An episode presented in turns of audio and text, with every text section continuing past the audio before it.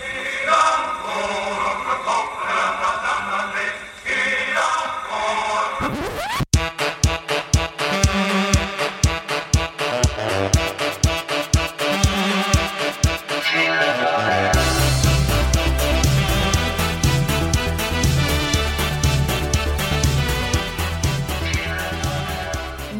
Varmt, välkomna till ytterligare ett avsnitt av Fyllepodden med mig Sanna Lundell. Och mig Anita Schulman.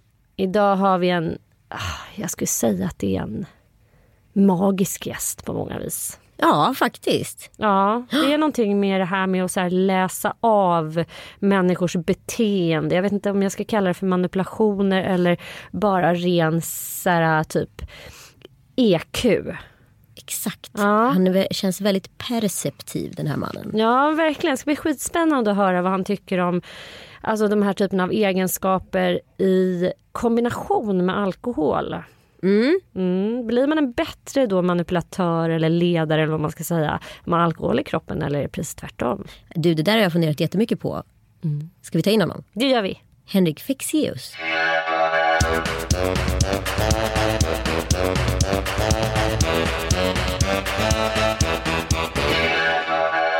Hej! Hej! Vi har liksom en historia av gäster med special efternamn. Jaha. Och du berättade precis en rolig historia om ditt efternamn. Ja, att det är påhittat? Ja. Ja, och jag undrade också hur du uttalade så du sa det väldigt bra. Ja men det är ju det som är så fint med påhittade namn att man får ju välja hur man vill göra. Det finns ju ingen från USA och England som kan uttala Fexeus till exempel utan där, där är det Fixias. Eller någonting liknande. Jag har ingen aning om varför. Men, men jag tycker Fexeus känns bra. Så, vi så jag det. sa rätt nu? Du sa rätt. Jag, jag, ska säga, när, jag ska säga förlåt när jag säger att det är påhittat. Jag heter ju det på riktigt. Ja, så, exakt. Det är verkligen mitt namn men, men det är ett taget namn. Har du tagit det? Um, jag gifte mig för några år sedan och min dåvarande fru, vad konstigt det blev nu, vi, vi skilde oss nämligen sen, men så att den personen jag gifte mig då, vi, vi tog det namnet tillsammans när vi gifte oss. Vi ville inte ha hennes, vi ville inte ha mitt och så blev det det. Så, så hon har kvar det och jag har kvar det. Så nu finns det två förgreningar av, av det nya släktet Fexeus som kan liksom leva vidare och bli någonting stort. Vad roligt, då blir ni en egen ett. Mm, ja, ja, en ett. Fantastiskt. För de som inte känner till dig, Henrik, kan inte du eh, berätta, vem är du? Oj, eh, det beror lite på vilken dag i veckan det är. Nästan. Nej, men jag är väl, jag är väl den, där, den där killen som håller på med sådär konstiga saker med folks huvuden. Eh, ibland jobbar jag det där som, låter sjukt. Ja, det är Här kan det. man tro att det handlar om en hjärnkirurg. Nej, det är väl mer kanske av, av det som händer i den där grå. Så att jag har liksom två ben att stå på.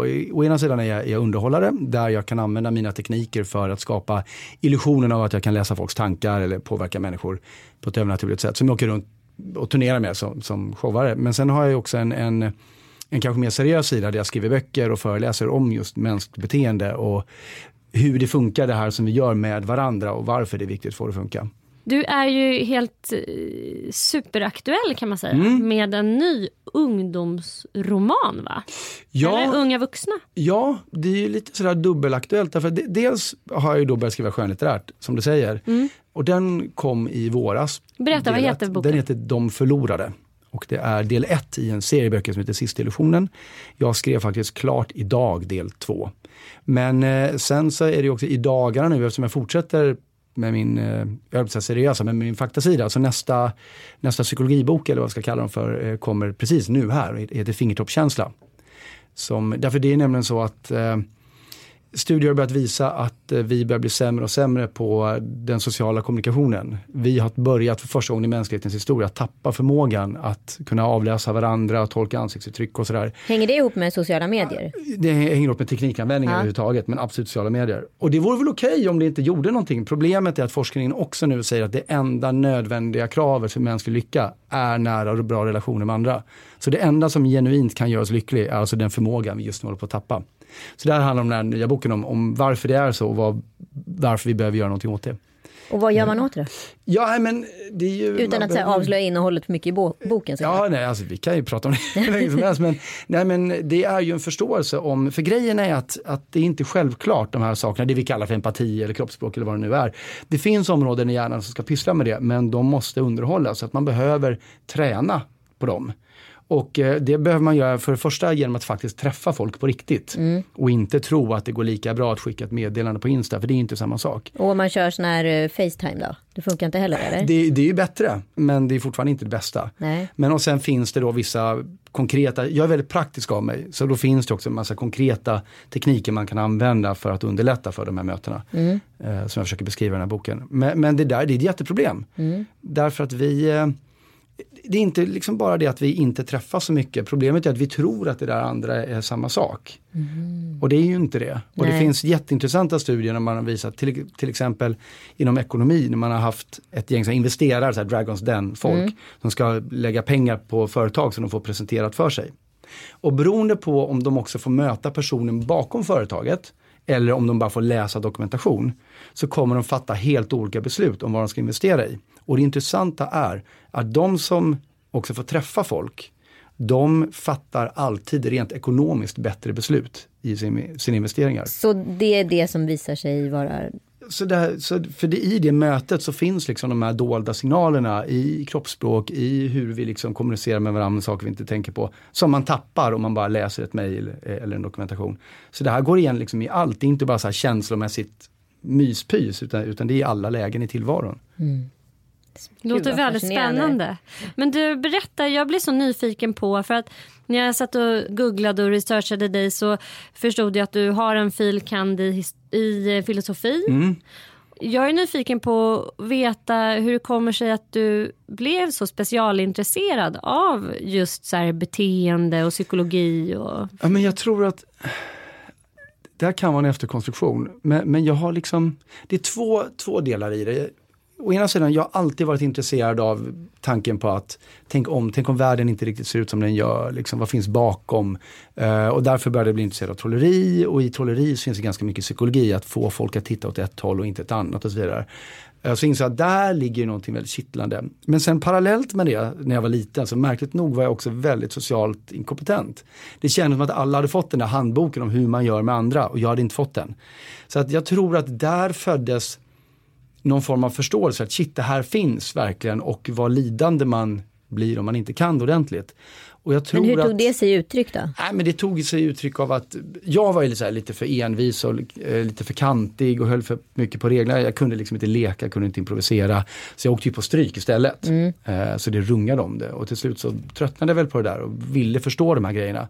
Så att jag tror att hade jag bara haft en harmonisk till, tillväxt, uppväxt, då, då hade jag kanske inte blivit så intresserad. Men, men jag tror att det var där det föddes, att vad är den här grejen? Liksom, vad är det som inte riktigt funkar här? Liksom? Ja exakt, och då blev jag liksom intresserad av det, inte bara teoretiskt utan på ett väldigt, väldigt praktiskt plan. Mm. Så att det jag har gjort sen under mitt liv har varit att försöka kombinera dem. Jag har liksom, dels har jag pluggat väldigt mycket, men också hållit på med amatörteater eller marknadsföring eller vad det nu är. Allt som liksom, där man också med flit omsätter det. Vad händer när jag gör så här med ögonbrynen på en scen? Vilken känsla väcker det hos publiken? Eller hur, vilka ord måste man använda för att nå en målgrupp? Det är delar av samma paket på något sätt. Mm. För att vara lite kritisk så känns det också som att du är väldigt intresserad av att manipulera och kontrollera andra ja, människor. Men, alltså. För många av dina böcker är så här, så här kan du lära dig att liksom ragga, eller mm. hur? Typ mm. som, eh, vad heter den boken nu? Förlåt. Alla jag, Nej, Nej, din egen. Min bok heter ja. Alla får ligga. Alla får ligga. Att man liksom bara så här, genom några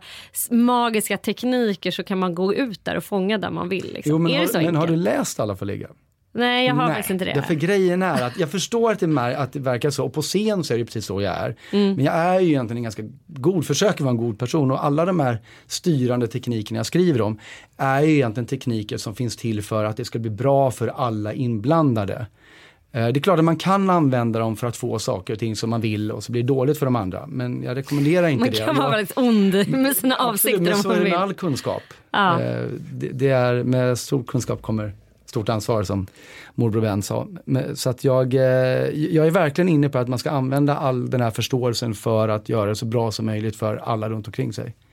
Men du, eh, då blev jag nyfiken på, om man, det här är ju ändå Fyllepodden mm. och människor som eh, är alkoholpåverkade, mm. är de lättare eller svårare att styra? Både och. Därför att de har ju kanske en mindre motståndskraft mot det du säger. Å andra sidan så är de ju totalt irrationella som barn.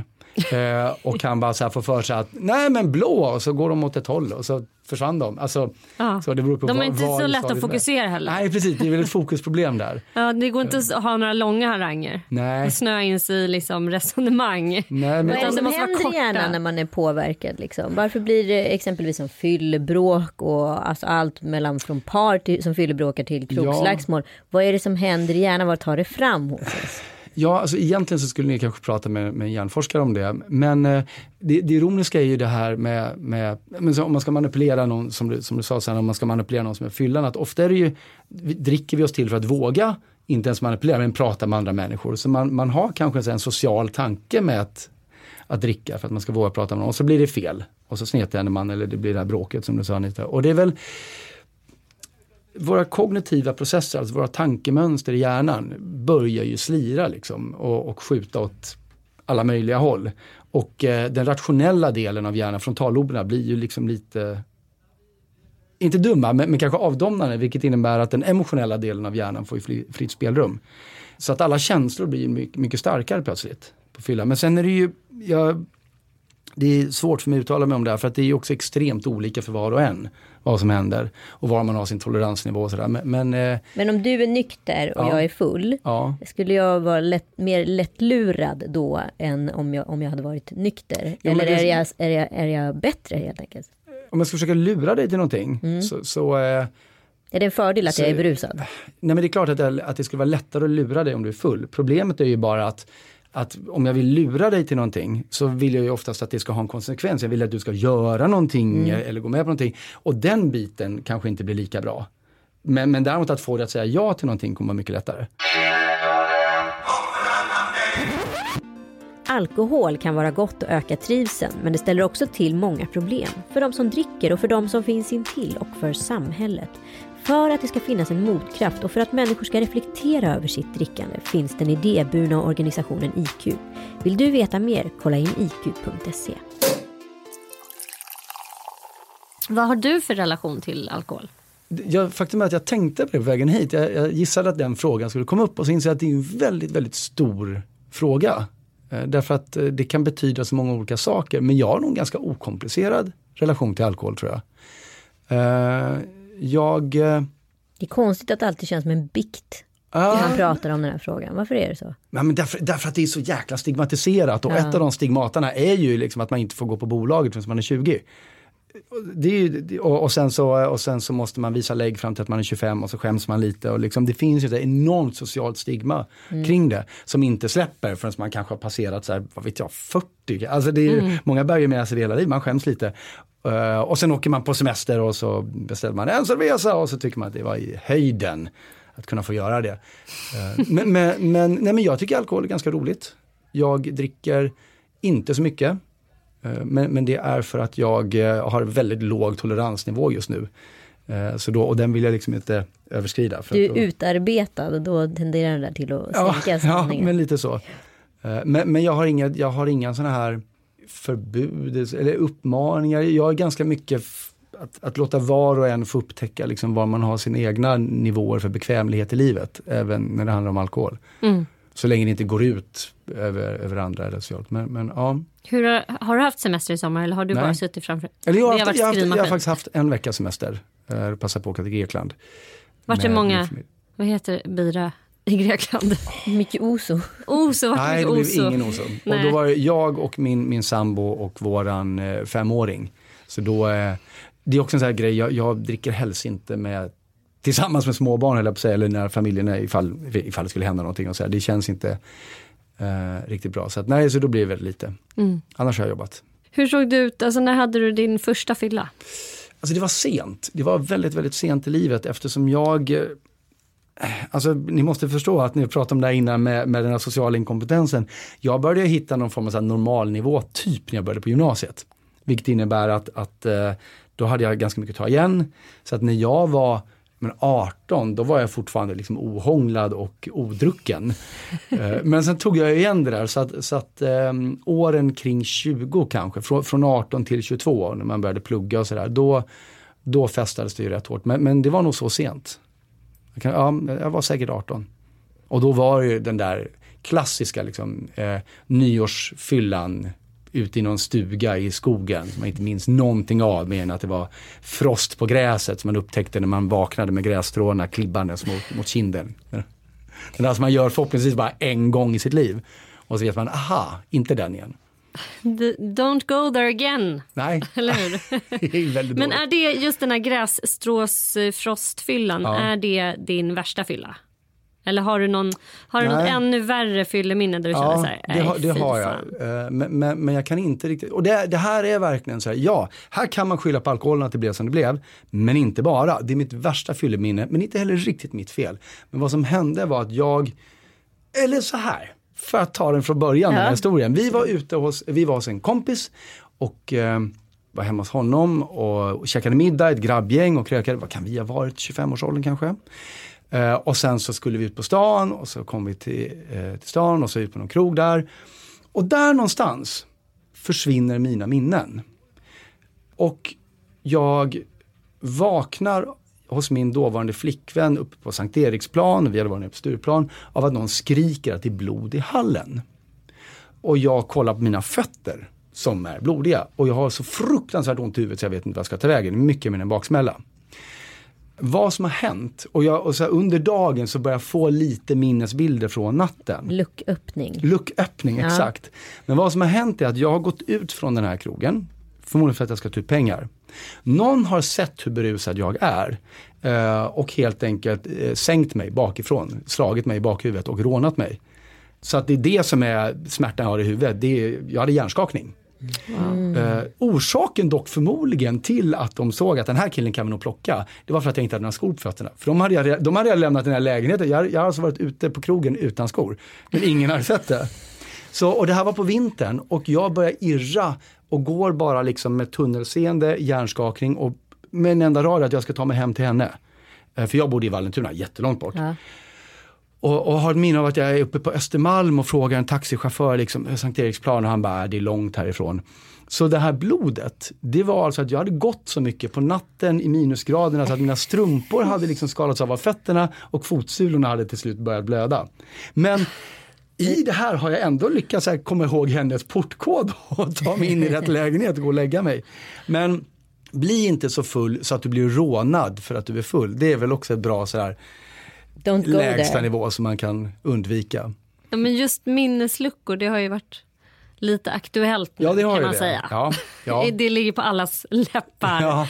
de berömda minnesluckorna. Och har du haft minnesluckor flera gånger?